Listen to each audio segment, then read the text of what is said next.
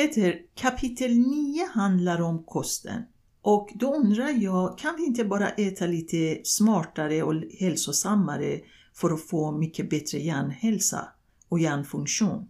Varför tas det så många olika typer av kosthållningar upp? Varje individ har en uppfattning om vad är en hälsosam kost och inte hälsosam kost och äter jag en hälsosam kost? Så det finns många uppfattningar om olika kosthållningar och många tycker att ja, jag äter medelhavskost eller husmanskost eller vegetarisk kost eller paleokost eller ketokost eller logosemisk kost. Och eh, det är mycket, mycket information där ute så det är inte alltid lätt att hitta en optimal kosthållning. Så även om man bestämmer sig för en kosthållning så kanske det inte passar just dina behov. Och sen inom den här kosthållningen, vad är det för hälsosamma källor av fett och kolhydrater och protein? Och vad är det för ämnen och vad är det för kostämnen som är extra bra för hjärnan? Vi har i boken många topp 12-listor. Så att i den här boken så tar vi upp det som har visat sig i forskning har en väldigt positiv effekt på hjärnhälsan. Plus det finns många positiva studier både om en veganhälsa, hur det kan hjälpa, en ketohälsa, ketokost eller en medelhavskost. Så att vi lägger fram tips på hur man kan förbättra en husmanskost eller en ketokost eller vegankost, vegetarisk kost eller paleokost eller medelhavskost. Så att vi tar upp massor med tips som du kan använda för att förbättra din kosthållning.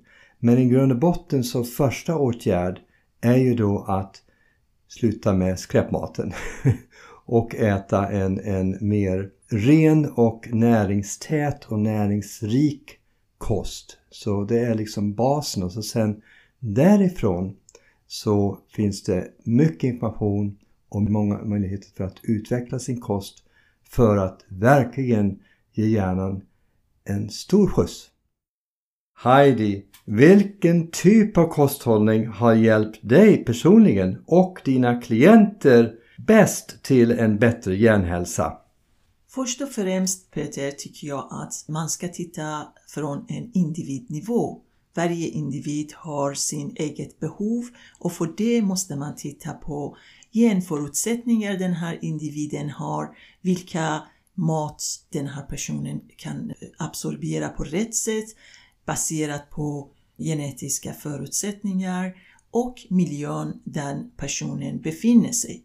För mig är ju eh, väldigt grundläggande att använda en inflammationsfri kost oavsett vilken individ det handlar om. För att med just den här tanken och undervisningen av hur en inflammationsfri kost är och vad den betyder för ens hälsa har jag nått väldigt mycket framgångar vad gäller andras och min familj och mig själv.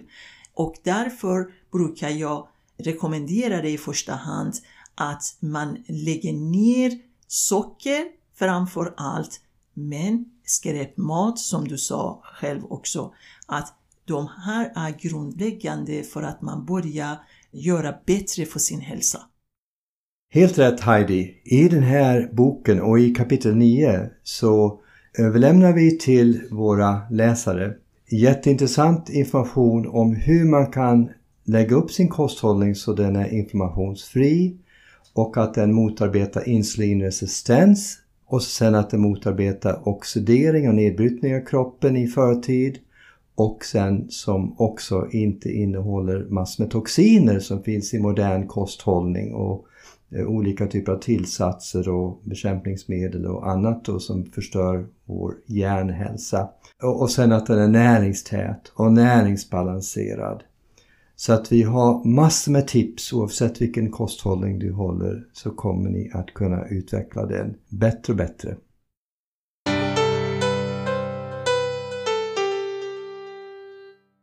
I boken Rädda din hjärna nu har vi tagit upp alla viktiga punkter för att du räddar din hjärna och din hjärnhälsa blir på topp.